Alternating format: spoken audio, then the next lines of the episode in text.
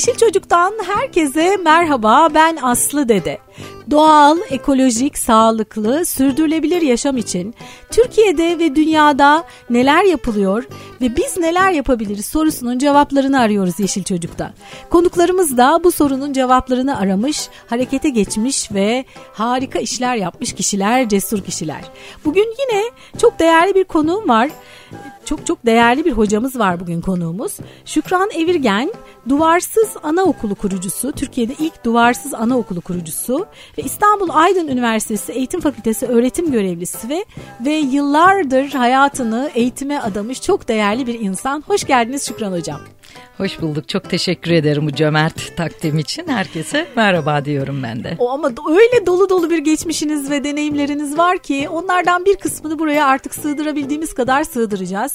Şimdi duvarsız anaokulu e, ne demek onu ayrıca belki konuşacağız ama ona gelene kadar e, siz e, mesleki hayatınızda nelerden geçtiniz? Şöyle kısa bir özet alalım sizden.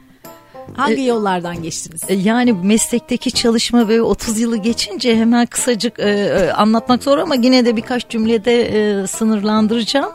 E, doğrusu ben üniversitede bu bölümü e, başladığımda okul öncesi eğitim öğretmenliği bölümüne e, bu kadar geniş bir alan, e, bu kadar gelişmeye geniş açık bir alan olduğunu çok farkında değildim oradaki e, aldığım çocuk gelişimi dersleri bir anda çocukluğa bambaşka bir gözle bakmamı sağladı. E, buradan başlayarak aslında çalışmalar başladı. Dedim ki hani sadece güvenli bakım değil çocukların o müthiş doğumdan gelen müthiş potansiyelini destekleyecek eğitim ortamları kurmalıyız, oluşturmalıyız ve bunu da gözlemleyerek sürekli gözden geçirmeliyiz. Öyle bir kere yaptık, kurduk değil. Çünkü çocuklar o kadar o müthiş potansiyelleriyle o kadar hızlı değişiyor ki dolayısıyla ihtiyaçları da değişiyor.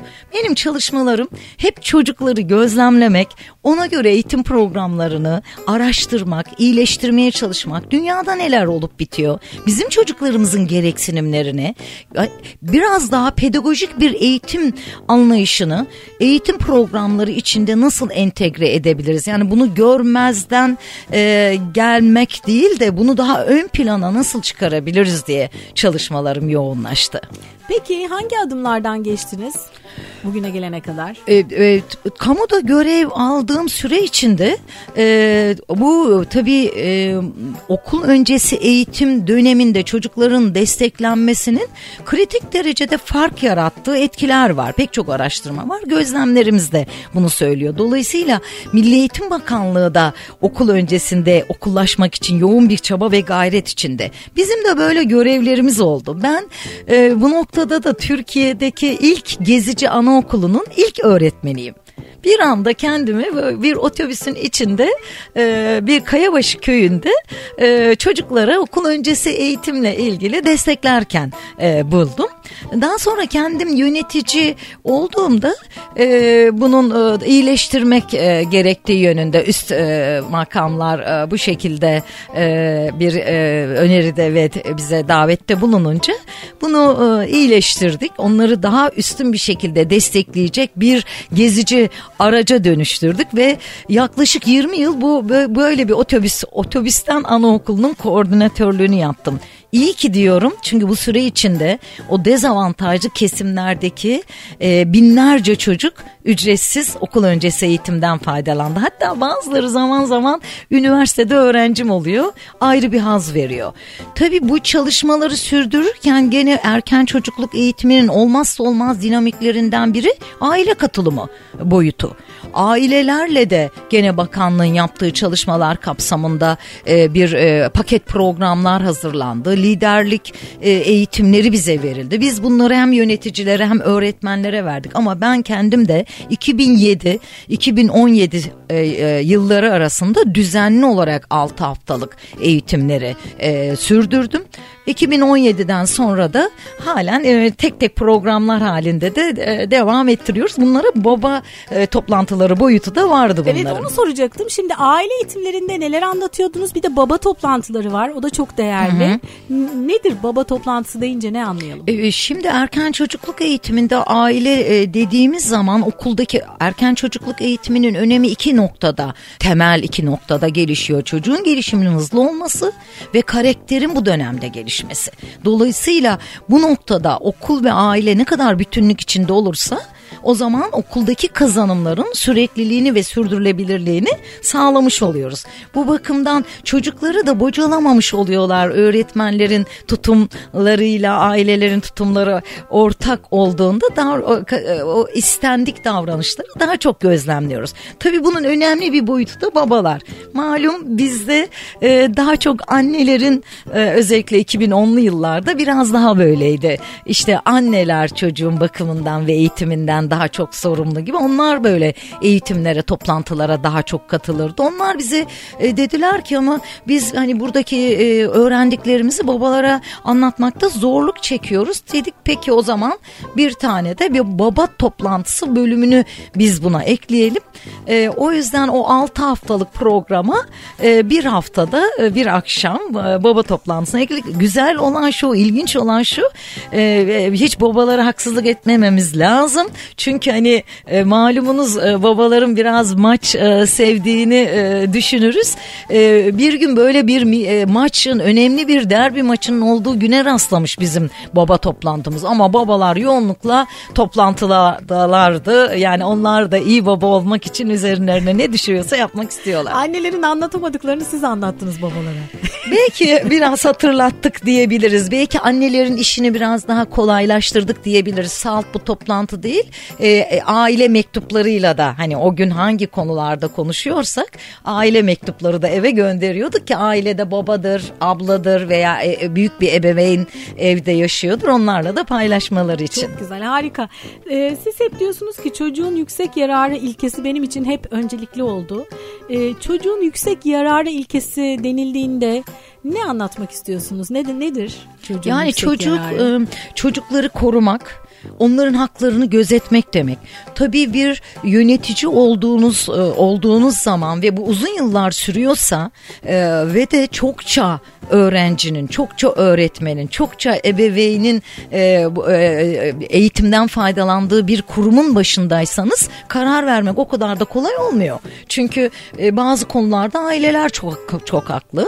Bazı konularda öğretmenler evet onlar çok haklı. Peki biz işin içinde bazen öğretmenlerin arasında da görüş farklılığı olabilir. Ebeveynlerin arasında da farklılıklar olabilir. Bu bütün bu işin içinden çıkma noktam benim bir bakım bakıma çocuk yüksek yararı dediğim çocuğun pedagojik ve gelişimsel gerekleriydi. Yani çocuk için doğru olan karar neyse bunu saatlerimi ayırdım bazen ebeveynler için bazen öğretmen toplantıları için. Çünkü hani baskıcı bir anlayışla değil bunun benimsenmesi gerekir. O zaman da bunu e, saatlerce anlattığım oldu. Bazen üst yönetimler yani bir konuda çabucak bir şeyin sonuçlanmasını istedikleri oldu. Örneğin Gezici Anaokulu'nun çabucak sonuçlanıp hemen hayata geçmesini istiyor. Ama benimle e, planlamama göre ve ben de İETT ile işbirliği yapıyorum o sırada mobilyacılarla işbirliği yapıyorum oyuncak firmaları ST, yardımcı olacak STK'larla işbirliği yapıyorum. Şöyle demedim hiçbir zaman tamam biz şimdilik bir böyle başlayalım sonra gerisi gelir. Bu doğru olmazdı. Çünkü o çocuklar gezici anaokulda olsa her şeyin en doğrusunu en mükemmelini hak ediyorlardı. Zor olan tabii gezici anaokulda e, küçücük bir otobüs metrekaresi içinde bir anaokulundaki verilecek kazanımları karşılayan bir ortam tasarlamak bir tür mühendislik gibiydi ama e, şoförler oradaki e, o teknik işlerle uğraşan kişiler üniversiteden hocalarımız bize çok yardımcı oldular. Keza öğretmenlerimiz ve bu proje başladı. Daha sonra 17 ilde 23 araçla devam etti. E, şimdi de gene kısmen de olsa e, devam ediyor. Peki aslında sanırım bu gezici e, anaokuluyla siz acaba duvarsız anaokuluna böyle bir oradan bir adım mı atmış oldunuz? Çok teşekkür ederim bu soru için. Hakikaten e, hep böyle bir alternatif belki gezici anaokulu erken çocukluk eğitimindeki alternatif öğrenme modellerini bana hatırlattı. Çünkü bir de aile merkezli eğitim modelleri var. Lisansüstü araştırmalarım sırasında bunları da araştırmıştım. E, bunlarla birlikte gözlem de yapıyoruz tabii. Bir yandan uluslararası sınavlarda çocuklarımızın aldıkları puanlar var. Bir yandan bakıyorum son derece hızlı düşünen, yaratıcı, zeki çocuklar. E, bir yandan da bakıyorum uluslararası sınavlarda hak etmedikleri derecelerle karşılaşıyorlar. Tabii benim e, hitap edebileceğim kademe ilkokul kademesi değildi ama şuna kuvvetle inanıyordum. Erken çocukluktaki gelişimi üstün bir şekilde desteklersek eğer o zaman daha güçlü bir donanımla okula başlayacaklar. Yani bu okula hazır olmayı artık çizgilerin arasında çizgi yapmak, defterin üstünde bir şey yapmak, öğretmen merkezde kağıtlardan işte e, panda yapmak gibi öğretmen merkezli çalışmalarla hapsetmek yerine tam aksine kendini gerçekleştireceği öğrenme ortamları ve esnek program anlayışının geliştirilmesi gerektiğini düşündüm. Tabii bu sırada e, yurt dışına gidiyoruz. Oradaki alternatif modeller dünyada marka olmuş, öne çıkmış modelleri inceliyoruz. Bunları da sorgulayıcı ve eleştirel olarak inceliyoruz. Çünkü hani her ülkenin de kendine göre bir kültürü ve gereklilikleri var ya da öncelikleri var. E, dolayısıyla alanda olmanın gözlem gücü o ziyaret ettiğim ülkelerdeki modellerdeki gördüğüm kazanımların hangisini önceliklendireceğim konusunda bana büyük bir temel oluşturdu. Diğer taraftan lisansüstü araştırmalarımız da devam ediyor. Yani çocuk gelişimi konusunda çocuk bakımı, gelişimi ve eğitimi konusunda her gün nörolojikler yani bu çoklu disipliner bir konu aslında. Ee, o e, uzman kişilerin paylaşımlarını bu konudaki araştırmalarını izliyoruz e, ve bunlarla birlikte birlikte baktım ki biz mevcut dört duvar arasındaki işte 30-40 metre kare arasında Haziran'dan Eylül ayına kadar pardon Eylül'den Haziran ayına kadar olan süreçte sınıftaki 20 çocuk bir öğretmen 40 metrekarenin içine çocukları hapsederek o muazzam potansiyeli desteklememiz çok yanıltıcı. Bu, bu çok bir yanılsama. Bunun dışına çıkmamız gerekiyor. Teneffüste çocuklar fırlıyorlar içlerindeki doğa, doğa, doğal ilkokul, dürtüyle. Kesinlikle siz ilkokul aşamasında da bunları görüyorsunuz daha evet. fazla. Yani orada tabii akademik eğitim hassasiyeti ve müfredat baskısı arttıkça çocuklar artık iyice sıkışmış hissediyorlar. E, e, ya, okul öncesinde bazen o kadar da güçlü bir şekilde itiraz da edemiyorlar. Öğretmen iyi bir çalışma hazırlamış. Yani çok e, kibarlar yapıyorlar. Yani şu öğretmenin e, bir hazırlığını, gereğini yapalım da biz ondan sonra oyun oynarız niyetindeler. Böyle bakıyorlar. Dolayısıyla bu bu naif duruş da bizim çocukların programını gözden geçirmemizin önündeki engellerden oluyor. Bununla birlikte ben okulun da yeniden yapımı gündeme gelince ve bunu sürecin içine o zamanki belediye başkanının bakanlığın tip projesi vaziyet planına uymuyor. E, belediye başkanımız yüksek inşaat mühendisi ve vizyoner projelere önem veriyor. E, ve bu yurt dışı gözlemlerimi, akademik araştırmalarımı da zaman zaman e, belirli günlerde bir araya gelindiğinde paylaşıyordum. Başkan projenin tasarlanmasına benim de katılmamı istedi. Tabii bu muazzam e, bir durumdu. Nerede? Fakat, Küçük çekmecede. Küçük çekmecede. Küçük çekmecede.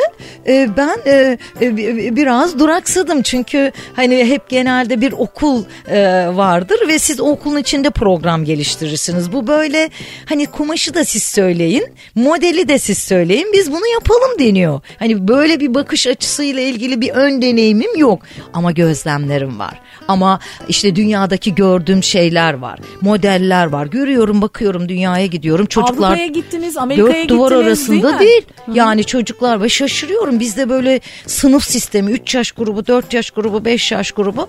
Avrupa'ya gidiyorum Almanya'ya. E, diyorum ki hani çocuklar koridorlar dahil her taraf çocuklar kapı girişinden itibaren çocuk merkezli olarak düzenlenmiş. Hep onlara ilham vermek üzere, onların meraklarını harekete geçirmek üzere, onların kendiliğinden harekete geçirmeleri oyun kuruculuğu, kuruculuklarını teşvik etmek üzere geliştirilmiş. Bu fırsatla birlikte biz bir anda çocukları e, o serbest oyun zamanında birbirlerinden ayırmayan bir e, ortam düşledik. Bu öyle bir mekandı ki yaş, e, e, oyun saatleri, e, mekan sınırlılığı e, olmayan e, bir ortamdı. E, endişelerimiz, bize öğretmenler olarak endişelerimiz vardı. İşte nasıl yaparsak çocukları daha iyi yönetiriz, kontrol ederiz. Hep böyle öğretmenler olarak böyle bir hassasiyetimiz var. Duvarsız okul modeli ortaya çıkana kadar. Gördüm ki biz sınırları erken çocukluk itibariyle bunu kuvvetle söyleyebilirim. Biz sınırları ne kadar aştık? Çocuklarda öz düzenleme becerileri hızla gelişmeye başladı. Karar verme becerileri hızla gelişmeye başladı. Oyun kuruculuk hızla gelişmeye başladı. Planlama becerileri okul öncesi çocuklar için çok zor üst düzey bilişsel beceridir. Planlama becerileri Aileler bize diyor ki çocuk evde planını yapıyormuş. Çünkü plan yaparak oyun oynamaya başlıyor. Diyormuş ki evinde ben yarınki planımı yaptım. Önce evcilik merkezinde sonra kitap merkezinde oynayacağım. Belli sınırlar koyuyoruz onlara iki ya da üç merkez seçmeyle ilgili. Bakar mısınız yani beş yaşında bir çocuk dört yaşında bir çocuk sorumluluk alıyor oyunu ile ilgili bir plan yapıyor önceliklendiriyor çünkü sekiz merkez var. Sekiz merkezi soyut olarak gözden geçirmiş, Seçiyor. planlamış, önceliklendirmiş ve planını yapmış okula hazırlanıyor. E biz okulda da buna benzer bir şey beklemiyor muyuz aslında? Çünkü yaşla birlikte sorumluluklar biçim değiştiriyor. Yapmak istedikleri şeyler, öğrenmek istedikleri şeyler, planlamaları gereken şeyler biçim değiştiriyor. Ama kuvvetli bir karakteri de bu şekilde desteklersek eğer sadece bugüne değil yarın içinde onları güçlü bir şekilde desteklemiş oluyoruz. O zaman duvarsız okul deyince hani biz duvar evet. deyince hani fiziksel olarak bir duvar aklımıza geliyor. Duvarsızlık Ama... var. Güzel bir soru. Teşekkür ederim. Düzenli bahçe saatleri. Ha, bazen öğretmenlerimizin endişeleri, bazen velilerin baskılarıyla gene çocuklarımız Eylül'den Haziran'a, Haziran'a demeyelim Mayıs sonunda havaların ısınmasını bekliyorlar. Güneşin parlaklığını keşfetmek için, kuşların sesini duymak için, yapraklara dokunmak için, toprakla, topraktan şifa bulmak için bunu bekliyorlar. Burada bir sınırlayıp e, duvarların arasına kapatıp kağıtlarla şunlarla bunlarla yine kontrol etmeye başlıyoruz ki pek çok kabul edilemez davranışlar arka arkaya geliyor. Öğretmenlerin sınıf yönetimi sorunları meydana geliyor. Yöneticiler bana söylüyor ki hocam işte bir sınıf yönetimi konusunda bir çalışma yapalım. Hani biz zorlanıyoruz diye. Bunlar hep sınırlayıcı bakış açısının sonuçları olarak.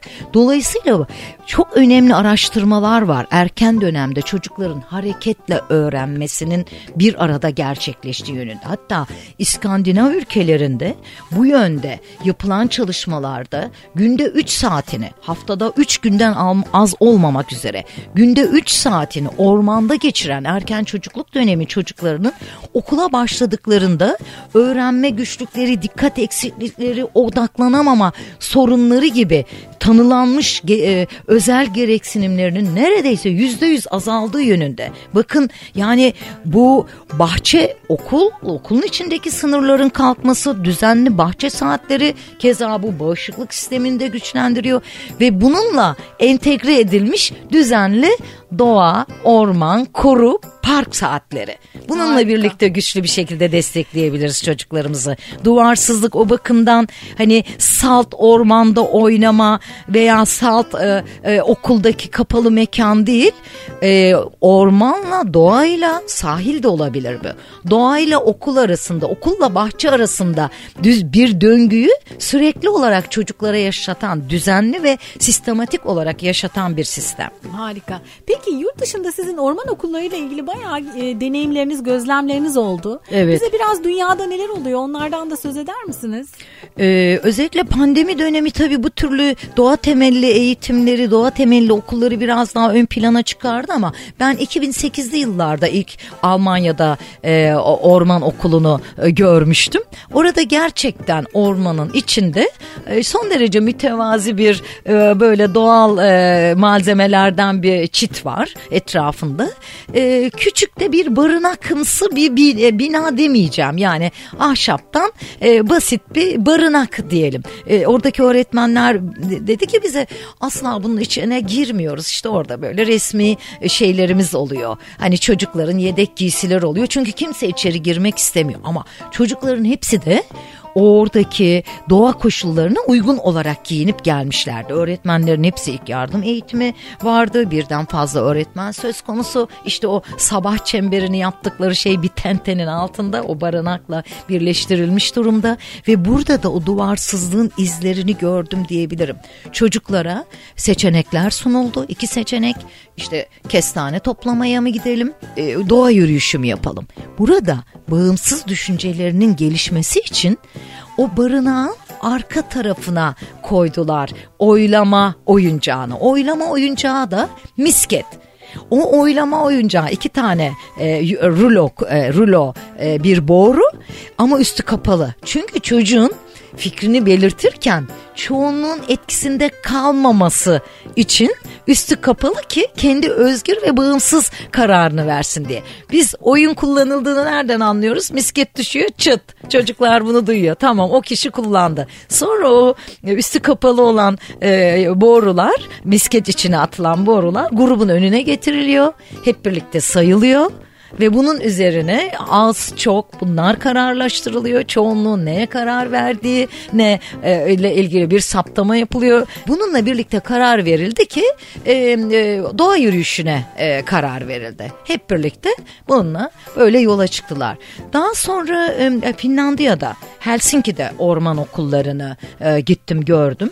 Buradaki okulların okul dışı öğrenmeyle güçlendirildiğini gördüm. Günde 3 saat e, pardon günde haftanın 3 günü 3 saatten az olmamak üzere ormana gidiliyor yürüyerek ve diğer e, bir günde okul dışı ortam müze gezisi veya bir bilim merkezi gezisi sanat merkezi gezisiyle destekleniyor.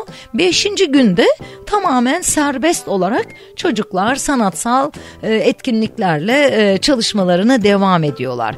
E, gene orada Helsinki'de gördüğüm bir Waldorf okulunda ise çocuklar okulun bir küçük bir bahçesi var ama bir 10 dakika yürüme mesafesinde bir bahçe daha kiralanmış. Buradan çıkan nokta şu. Her gün düzenli olarak o bahçeye yürünürse çocuklar etrafındaki mevsimlere göre değişmeleri hem sıcaklık sıcaklık olarak hissedecekler hem de gözlemsel olarak görecekler. Sadece bu yürüme bile gözlem, dikkat ve odaklanma becerilerini destekleyecek çocukların. Dolayısıyla 10 dakika mesafede bir bahçe kiralanmış. Burada işte sabah çemberlerine bir takım çalışmalarını yapıyorlar. Ondan sonra yine e, düzenli 15-20 dakika e, mesafede bir ormana yürüyorlar. Evet. Peki e, Türkiye'de de sizin gözlemleriniz oldu. Türkiye'de de orman okulu yani orman okulu deyince illa bir ormanda yapılan e, ders gibi mi düşünmeliyiz? Yani orman okulu nedir? Nasıl tanımlayabiliriz orman okulunu? Türkiye'de neler yapılıyor gözlemleriniz? Evet haklısınız çok teşekkür ederim. Ee, bu soru çok aydınlatıcı olacak dinleyiciler açısından diye düşünüyorum. Özellikle metropollerde ben Belgrad Ormanı'nın eko zenginliğine, biyolojik çeşitliliğine hayranım. Ama her zaman gidemeyeceğimiz bir uzaklıkta mesafeleri e, düşündüğümüz zaman. Oysa biz çocukların her gün doğada olmasını önemli önemsiyoruz. Yani okul bahçesinde her gün olabilir ama bahçenin de ekolojik olarak zenginleştirilmesi bazı okulda beslenebilecek hayvanlar yönünden de zenginleştirilmesi e, gerektiğini düşünüyoruz. Dolayısıyla eğer biz bir sahil şehrinde yaşıyorsak sahil e, kumla kumsalın birleştiği noktada da çocukların dikkatini çeken çok canlılıklar var. Buradan başlayarak bile çocukların çünkü erken dönemde önemli olan çocukların merakını teşvik etmek. Çünkü bu bu çocuklar merak e, keşif ve deneyimleri yoluyla öğreniyorlar. O yüzden öğretmenlerin ve biz bu konuda çalışan uzmanların görevi onları daha çok merak edecekleri ortamları bulup gerekli risk analizlerini yapıp çocukları bu ortamlarla buluşturmak. Dolayısıyla bu bir sahil olabilir, bu bir park olabilir, bu bir koru olabilir, bu bir tarım alanı olabilir. Yani doğayla e, baş başa olabilecekleri her alanı bu kapsamda değerlendirebiliriz. O yüzden orman okulları kafa karıştırmasın diye biz evet. Türkiye'de doğa, doğa temelli, temelli evet. doğa temelli okullar o demek istiyoruz. Doğru. Çünkü e, prosedür itibariyle de Türk eğitim sisteminde şu anda binası olmayan bir oluşum, bir konsept yani onay alamıyor henüz. E, bunun mutlaka okulla ilişkilendirilmesi gerekiyor. E, dolayısıyla bizim ülkemizin gerekliliklerini de göz önüne aldığımız zaman ama mesela Bursa'da bir okul var. Onlar yine okula e, okulları e, yürüme mesafesinde e, orman alanına her gün düzenli o tamam binaları var. Her gün düzenli olarak e, yürüyorlar ormana. Çok güzel. E tabii özellikle büyük şehirlerde bu sıkıntı. E, diğer bölgelerde Türkiye'nin diğer bölgelerinde aslında çocukların doğayla e, iç içe olması, bir arada olması çok daha kolay, çok tabii. daha rahat. E, ama büyük şehirlerde biraz zorluk var. Peki sizin, siz aynı zamanda öğretim üyesiniz de üniversitede yeni öğretmenlerin yetişmesine katkıda bulunuyorsunuz. Evet. E, onlara önerdiğiniz yeni e, eğitmen olacak gençlere ya da hali hazırda eğitmenlere, Hı-hı. ebeveynlere Hı-hı. doğa temelli öğrenmeyle ilgili e, neler önerirsiniz?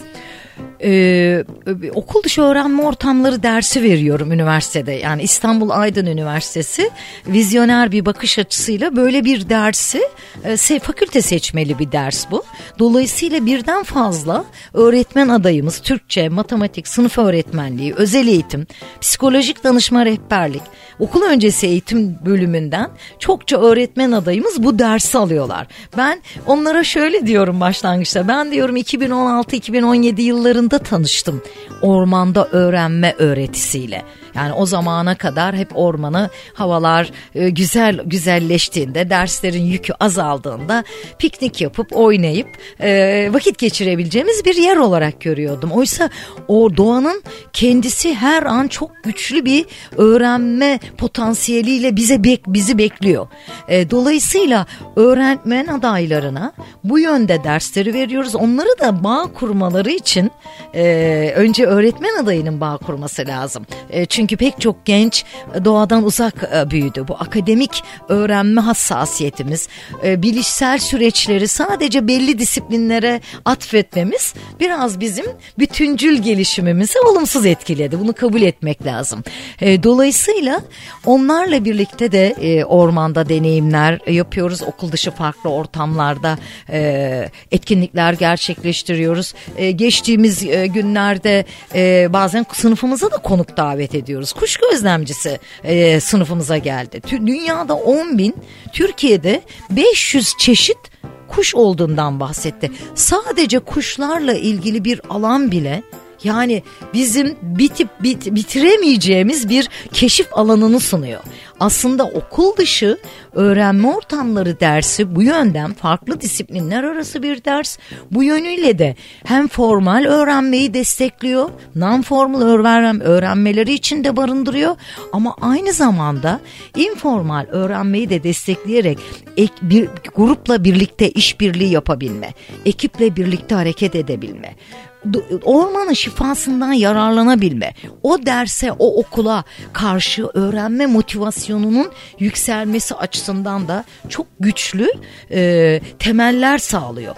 Bunları kaçırmamaları için onlara götürüyorum. Diyorum ki sizi kıskanıyorum çünkü ben bu öğretiyle bu kadar kendimi geliştiren bir öğretmendim. Öğretmenliğimin 27. yılında karşılaştım. Siz üniversitede öğrenciyle öğrenciyken bununla karşılaşıyorsunuz. Yani e, çok şanslı olacak öğrencileriniz e, diye konuşuyoruz onlarla. Ama sizin de gezici gezici anaokulu e, deneyiminiz fena değil. O gün o dönemin şartlarına göre Kesinlikle. siz de aslında ayaklarınızı yerden kesmişsiniz. aslında öğretmenliğe başladığım bir çeşit duvarsız denilebilir o da. Ona da denilebilir. Öğretmenliğe başladığım ilk yıllarda bu çocukların yüksek öğrenme potansiyeli ilk bana çarpan etki buydu. Öyle, okula atandığımda e, böyle sınırlı bir ortam, e, yüksek öğrenme potansiyellerine sahip öğrenciler işte çocuklara çok da hitap etmeyen plastikten, kağıttan bir takım materyaller. Yani buradaki sınırlayıcılığı 1990 yılında ilk göreve başladığımda da fark etmiştim. O yüzden Menemen'deydim. Hemen bizim okul dışında çocukları destekleyebileceğimiz veli kaynakları da bu yönde iyi oluyor. PTT'de çalışan veli, işte marangoz veli. Hemen buralara ziyaretler yaptık. Çünkü buradaki işleyiş bir masa, oturduğumuz masa sandalye hangi aşamalardan geçerek bir ağaçtan nasıl bir sandalye oluşuyor? Tabii 4 yaşında 5 yaşındaki bir çocuk için bu muazzam bir merak ve öğrenme fırsatı. Hangi aşamalardan geçerek bu oluyor. Keza ekmeğin hikayesi bir fırının ziyareti o zamanlar mektuplar gönderiliyordu. İşte Almanya'daki bir e, ko, e, e, akrabamız sevdiğimiz bir kişinin mektubu bize nasıl ulaşıyor? Bizim mektubumuz oraya nasıl ulaşıyor? Bunlar araç tabii konu itibariyle asıl asıl olan çocuğun merakından yola çıkarak onun gelişimini en üstün bir şekilde desteklemek. Peki bizi dinleyen eğitmenlere, ebeveynlere e, doğa temelli öğrenmeyi pekiştirecek, önerebileceğiniz yöntemler, kitaplar, e, uygulayabilecekleri, kendileri uygulayabilecekleri özellikle ebeveynlere Neler evet. önerirsiniz? Ee, ben bir kere her gün düzenli olarak muhakkak bir bahçe zamanı diyorum. Bir çocuk hakları dedik. Çocuk yüksek yararından bahsettik. Bir çocuğa öğretmen olsun, ebeveyn olsun. Hareket etmek onun en temel ihtiyacı. Dolayısıyla bir çocuğa ödül veya ceza olarak dışarı çıkma konusunun önüne getirilmesi çok ezici bir durum. Yani bir çocuk şiddeti diyebiliriz buna. Dolayısıyla iyi ebeveyn olmak. Ebeveynler ne istiyorlar? Ben aile eğitimleri de veriyorum hala. Sözlerini dinlemesini istiyorlar. Çocuklar öğretmen diyorlar ki aynı zamanda okula gidince bir bakıyoruz ki öğretmenlerinin sözünü dinliyorlar. Çünkü öğretmenler onların ihtiyaçlarını biliyor öğretmenler o ihtiyaçlarını karşılayan o pedagojiye, o gelişimsel düzeye göre program hazırlıyor. Bu çocukların gözünde öğretmeni kahraman yapıyor. bilgi otoritesi. Çocuklar bilgi otoritesine saygı duyuyor. Bilgiden kasıt ne burada? Onun ihtiyaçlarını gözetmek. Dolayısıyla ebeveynlere bir püf noktası gibi aslında. Çocuklarıyla iyi ilişkiler yürütmek istiyorlarsa her gün düzenli olarak bahçe saati, orman, park saati evlerine yakınsa farklı farklı ortamlarda bir gün sahile bir gün parka ormana hiç değilse kendi sitelerinin bahçesine düzenli olarak çıkarmalarını öneriyorum. Çünkü biyofili hipotezinden bahsediyor uzmanlar. Hepimizi e, doğaya çeken bir şey var. Çocukları daha çok çekiyor. Can, bu biyofili hipotezi etrafımızın canlı organizmalarla çevrili olmasının verdiği bir cazibe, bir haz. Dolayısıyla hani o öğretmenlerin de ilgi çekmek için kukla oynattım, şu tekerlemeyi söyledim, bu şiiri okudumlarından çok daha güçlü bir etki orman ve dışarısı, kuşlar, yapraklar, hava durumu, havadaki değişimler, yer temelli öğrenme dediğimiz yüzeydeki farklı eğimler. Bakın bunlar bedensel koordinasyon geliştiriyor çocuklarda.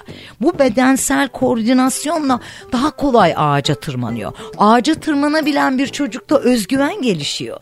Ama biz bunları hazır sunarak sınırlı sınıf ortamlarında gerçekleştiremeyiz. Ben bu noktada doğa temelli öğrenmeyi as aslında sürdürülebilir de buluyorum son derece. Çünkü çok fazla materyal gerektirmiyor. Yani burada çocuklar kendi doğadaki doğanın kendi esnek parçalarından yararlanarak yaratıcılıklarını ve problem çözme becerilerini de geliştiriyorlar aynı zamanda. Oyun kuruyorlar. Oyun kuruyorlar. Oyuncak... Oyun kuruculuk gelişiyor. hazır oyuncaklar olmadan yani hazır satın alacak oyuncaklar ve olmadan. Ve aslında o noktada e, Aslı Hocam biz onlardan öğreniyoruz. Ben bir bakıyorum ki oradaki taşlardan çocuklar vurarak ritim yapmaya başlamış. Müzik yapmaya başlamışlar. Kozalaklarla bir yere hedef atma oynuyorlar. Ama öğretmenler de çok yaratıcı. Bir katıldığım öğretmen grubunda onlarla çocuklarla birlikte ormana gittiğimizde e, bir anda e, martılar geldi Florya ormanında. Ve biz hemen yere çöktük çocuklarla birlikte onları izledik. Öğretmen onlara dedi ki sessiz oluyoruz. Kaç adet martı görüyorsunuz? İşte çocuklar saydılar hızlıca 8 adet dediler. O arada bir tanesi uçtu. Öğretmen dedi ki kaç tane kaldı? 7. Bir tane eksildi. Matematik kendiliğinden gerçekleşti. Yani aslında biz bu yolla hani bu doğanın e, gücünden faydalanmanın gözlem becerileri, bilişsel süreç becerileri dediğimiz gözlem, dikkat, odaklanma gibi bilişsel süreçler de karşılığını doğada cömertçe buluyor. Kağıt üzerinde değil Ama de düzenli doğada götürmek, öğrenmiş oluyor. düzenli götürmek gerekir. Burada şu üç noktaya çok dikkat etmek gerekir. Doğadaki öğrenmenin gücünü biz öğretmenler çocuklar olmadan gidip izleyip fark etmeliyiz. Çocukları daha çok izlemeliyiz. Esnek bir program anlayışımız olmalı. Asla müdahale etmemeliyiz. Çocukların merakları ya da bir şeyleri yapabilmeleri, yapamamalarıyla ilgili orada müdahaleci olmayıp duvarsızlık bunu gerektirir. Okula döndüğümüz zaman bunu nasıl destekleyeceğimiz hakkında orman ve okul bağını kurabiliriz. Bir kelebeğin peşinden koşmuşlarsa hiç orada müdahale etmeyip okula gelince kelebekle ilgili öyküler okuyarak kendiliklerinden ormandaki kelebeği hatırlamalarını beklemeliyiz. Bunlardaki bu esnekliğe dikkat etmeliyiz. Tüm bunları yaparken de e, doğanın öğretici, cömert öğretici gücünden faydalanırken doğayı koruma sorumluluğumuzu da asla unutmadan yani buradaki permakültür bilincini de okul programlarına entegre etmek gerekir ki sağlıklı beslenme bilincini de çocuklara kazandırmalıyız. Yani ormanla şifa bulmaya, gelişmeye götürdüğümüz çocukları paket meyve suları, paketli gıdalar, şekerli kurabiyelerle değil, doğal meyveler, e, e, doğal kuru yemişler, içinde katkı maddesi olmayan sağlıklı atıştırmalıklarla e, beslenmelerine, ara öğün yapmalarına da dikkat etmeliyiz. Harika. Ee, doğayla bağ kuran, doğayı seven çocuk kendi öz doğasını da sever. Kesinlikle. Hep bunu söylüyoruz. Ee, sevince zaten korur. Hep Tabii. diyoruz ki çocukların Yapılan doğayı sev- araştırmalar da o yönde. Evet. Yani erken dönemde e, doğada daha çok zaman geçiren e, kişilerin e, yetişkin olduklarında doğa sever oldukları yönde. Bizim üniversitede bir Yeşil Vatan platformumuz var. Buraya gelen öğrencilerle dün e, konuştuğumuzda hepsinin çocukluğundan doğayla bir bağı var. Bunun için tercihte bulunup o e, kulübe katılmaya gelmişler. O zaman diyoruz ki çocukların doğayı sevmesine izin verin. Kesinlikle. Evet bağ kurmalarına Bağ kurmalarına müsaade izin etmemiz Evet. lazım. Peki e, süremizin sonuna geldik. Son olarak söylemek istediğiniz, eklemek istediğiniz bir şey var mı? Ben Cavet için çok çok teşekkür ediyorum. Her zaman çocukluğu korumaya çalışan, oyun kuruculuğu desteklemeye çalışan bir eğitimciyim. Aynı zamanda gezegenin içinde düştüğü, içine düştüğü bu durumlarla birlikte gezegeni koruma hassasiyetimizin de artık bir tercih değil, okul programlarına entegre edilmesi gereken bir sorumluluk olduğunu düşünüyorum. O nedenle buradan bizi dinleyen eğitimcilere, öğretmenlere ve ebeveynler çocukların değişmez öğretmenleridir. Ekopedagojik bir eğitim anlayışını çocuklara benimsetmeleri yönünde onlarla çalışmalarını birlikte vakit geçirmelerini öneriyorum. Çok çok teşekkür ederim. Evet bir Yeşil Çocuğun yine sonuna geldik. Bize nasıl ulaşabilirsiniz? Ee, yeşilçocuk.com adresinden web sitemize ulaşabilirsiniz. Sosyal medyadan Sürdürülebilir Yaşam Okulu diyerek e, bize ulaşabilirsiniz. Ben Aslı Dede, e, Yeşil Çocuk'ta doğal, ekolojik, sağlıklı, sürdürülebilir yaşam için Türkiye'de ve dünyada neler yapılıyor? Peki biz neler yapabiliriz diye sorduk ve konuklarımızdan da cevaplarını aldık. Bugünkü konuğumuz Şükran Evirgen oldu. Duvarsız Anaokulu kurucusu İstanbul Aydın Üniversitesi Eğitim Fakültesi öğretim görevlisi. Bir başka Yeşil Çocuk'ta yeniden buluşmak üzere Yeşil kalın.